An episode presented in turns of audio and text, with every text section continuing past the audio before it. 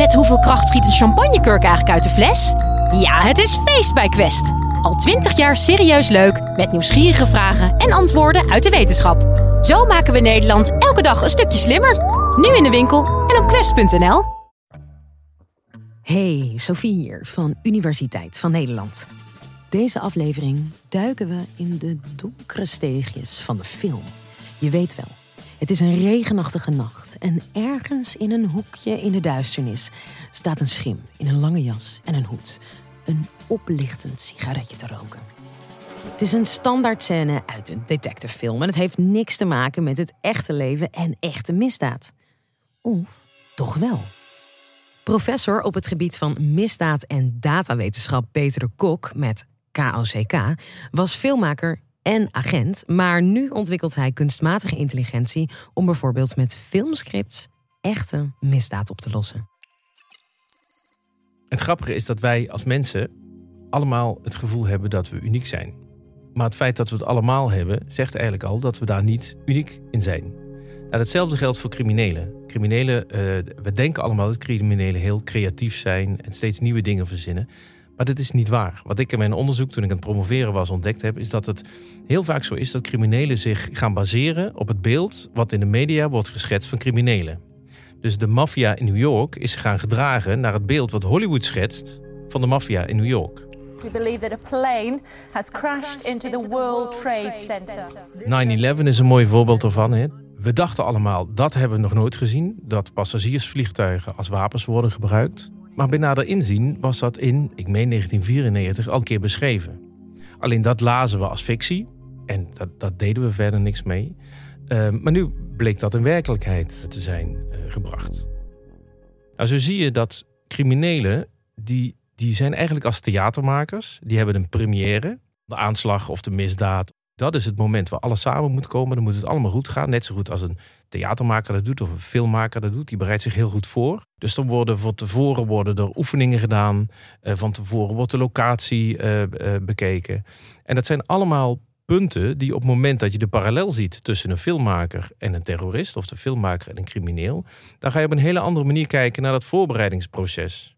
En dat geeft je als opsporers of opsporingsinstantie ook de mogelijkheid om in een heel vroeg stadium al patronen te kunnen gaan ontdekken die een, een crimineel volgt om uiteindelijk tot zijn daad te komen. En dat gaat je mogelijkheden bieden om daarop te interveneren.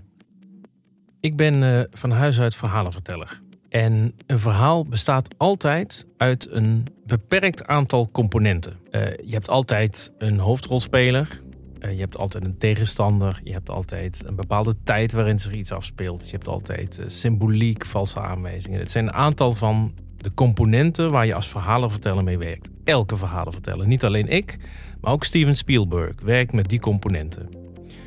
Nou, wat wij gedaan hebben, is we hebben die componenten genomen. En we hebben op die manier zijn we naar verhalen gaan kijken. Naar films, naar boeken wie is hier de hoofdrolspeler? Wie is de tegenstander? Wie is de... Dus overal hebben we gekeken naar welke verhaalcomponenten zitten waar in dit specifieke verhaal. Dat hebben we gedaan met creatieve verhalen, dus films en boeken. Maar dat hebben we ook gedaan met waargebeurde terroristische incidenten.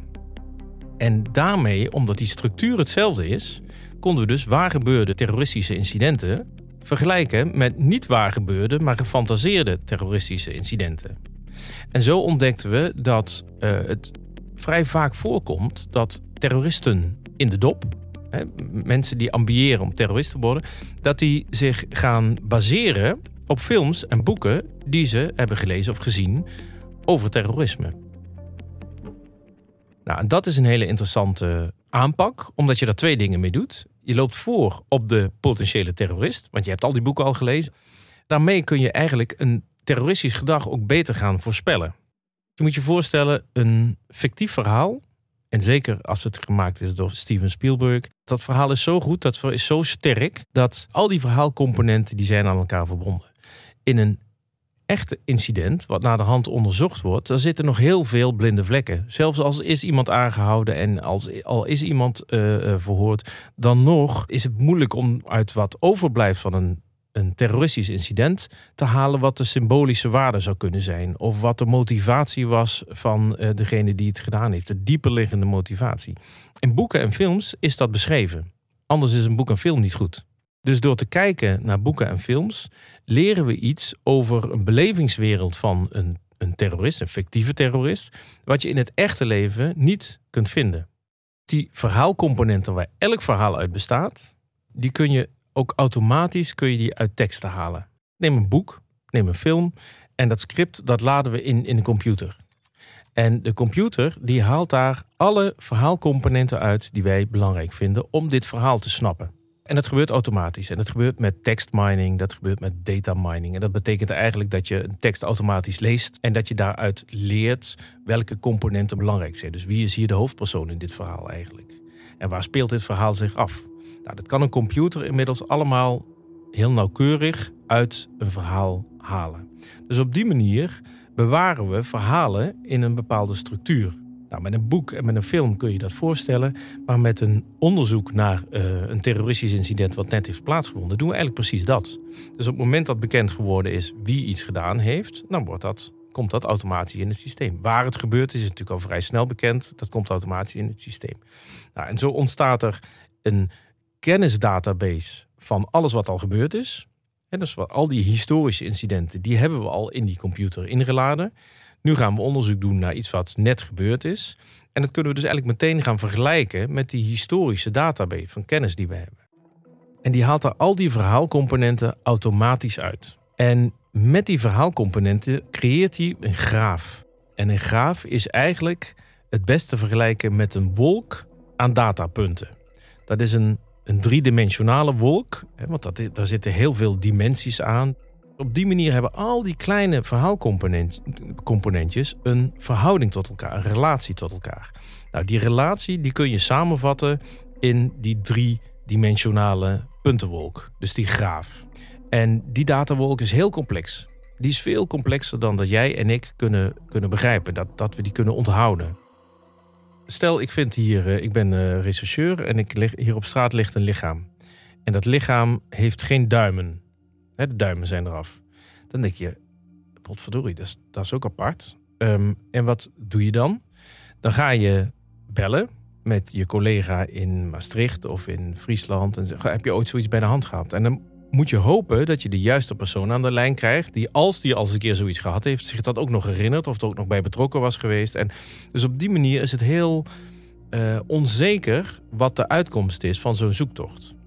Nou, wat wij op deze manier van werken doen, is dat we allemaal data uit het verleden, wat vaak in de hoofden van mensen zit, die met pensioen gaan of die iets anders gaan doen of die, uh, nou, die weggaan, um, dat we die kennis uit die hoofden vastleggen in scenario's.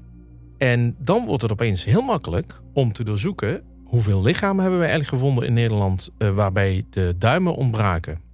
Of hoe zat dat in Engeland? Of hebben wij ooit ergens gelezen, ergens in de wereld, dat er een lichaam gevonden is zonder duimen? Nou, dat is nu een hele ingewikkelde exercitie om die, die kennis boven water te halen. Maar als je de hele wereld vormgeeft in scenario's, in die datawolken zoals ik die net heb omschreven, wordt het opeens heel makkelijk om die kennis uit het verleden toepasbaar te maken in een situatie waarin je staat naast een lichaam wat geen duimen meer heeft. Je bent altijd op zoek naar patronen als rechercheur. Wat zegt dit? Iets staat niet op zichzelf. Niks staat in het leven op zichzelf. Alles is verbonden met andere dingen. En dat is de taak die je hebt als rechercheur. Je probeert die verbinding met die andere componenten naar boven te halen. Nou, dat is waar dit systeem je mee kan gaan helpen. Die gaat je niet alleen wijzen op het juiste scenario en dat het gebeurd is, maar ook wat er destijds gebeurd is, hoe dat onderzocht is en wat de relevantie daarvan is voor jouw zaak. Deze manier van werken hebben we geïntroduceerd bij een aantal politieorganisaties in Europa. Eén uh, organisatie daarvan die heeft ons toegang gegeven tot ehm, 13,5 miljoen processen verbaal. En je moet weten, een proces verbaal uh, geschreven door een politiemens is voor data scientist het meest ingewikkelde. Want iedereen heeft zijn eigen manier van vertellen. Ik heb een andere manier van opschrijven, je hebt een andere manier van opschrijven. En een proces verbaal is een, een, een verhaal eigenlijk waar heel weinig uh, structuur in zit. Nou, dus we hebben 13,5 miljoen processen verbaal van deze specifieke politieorganisatie eh, gekregen. En we hebben die vertaald naar 13,5 miljoen van dit soort datawolken, van dit soort graven. Nou, niemand in de hele wereld kan 13 miljoen, 13,5 miljoen procesverbaal lezen. Laat staan onthouden, laat staan daar waarde uithalen. Nou, omdat wij deze 13,5 miljoen procesverbaal hebben vertaald naar 13,5 miljoen eh, datagrafen, kunnen we daar heel snel doorheen uh, kijken en analyseren. Dus een, een, de gebruiker van dat systeem kan zeggen: uh, wat is er eigenlijk gebeurd tussen, uh, laten we zeggen, 23 februari 2017 en 19 maart 2020 op dit gebied? Die kan ook zeggen: wat is er alleen gebeurd in deze straat? Of die kan ook zeggen: wat is er eigenlijk alleen gebeurd in deze straat tussen 23 november en op het gebied van synthetische drugsproductie? Nou, en op die manier kun je eigenlijk door die hele grote databak van 13,5 miljoen processen verbaal, kun je heel snel analyses trekken. Kun je heel snel kun je die data voor jou gaan laten werken. Nou, en dat is iets wat tot, tot voor kort gewoon helemaal niet kon.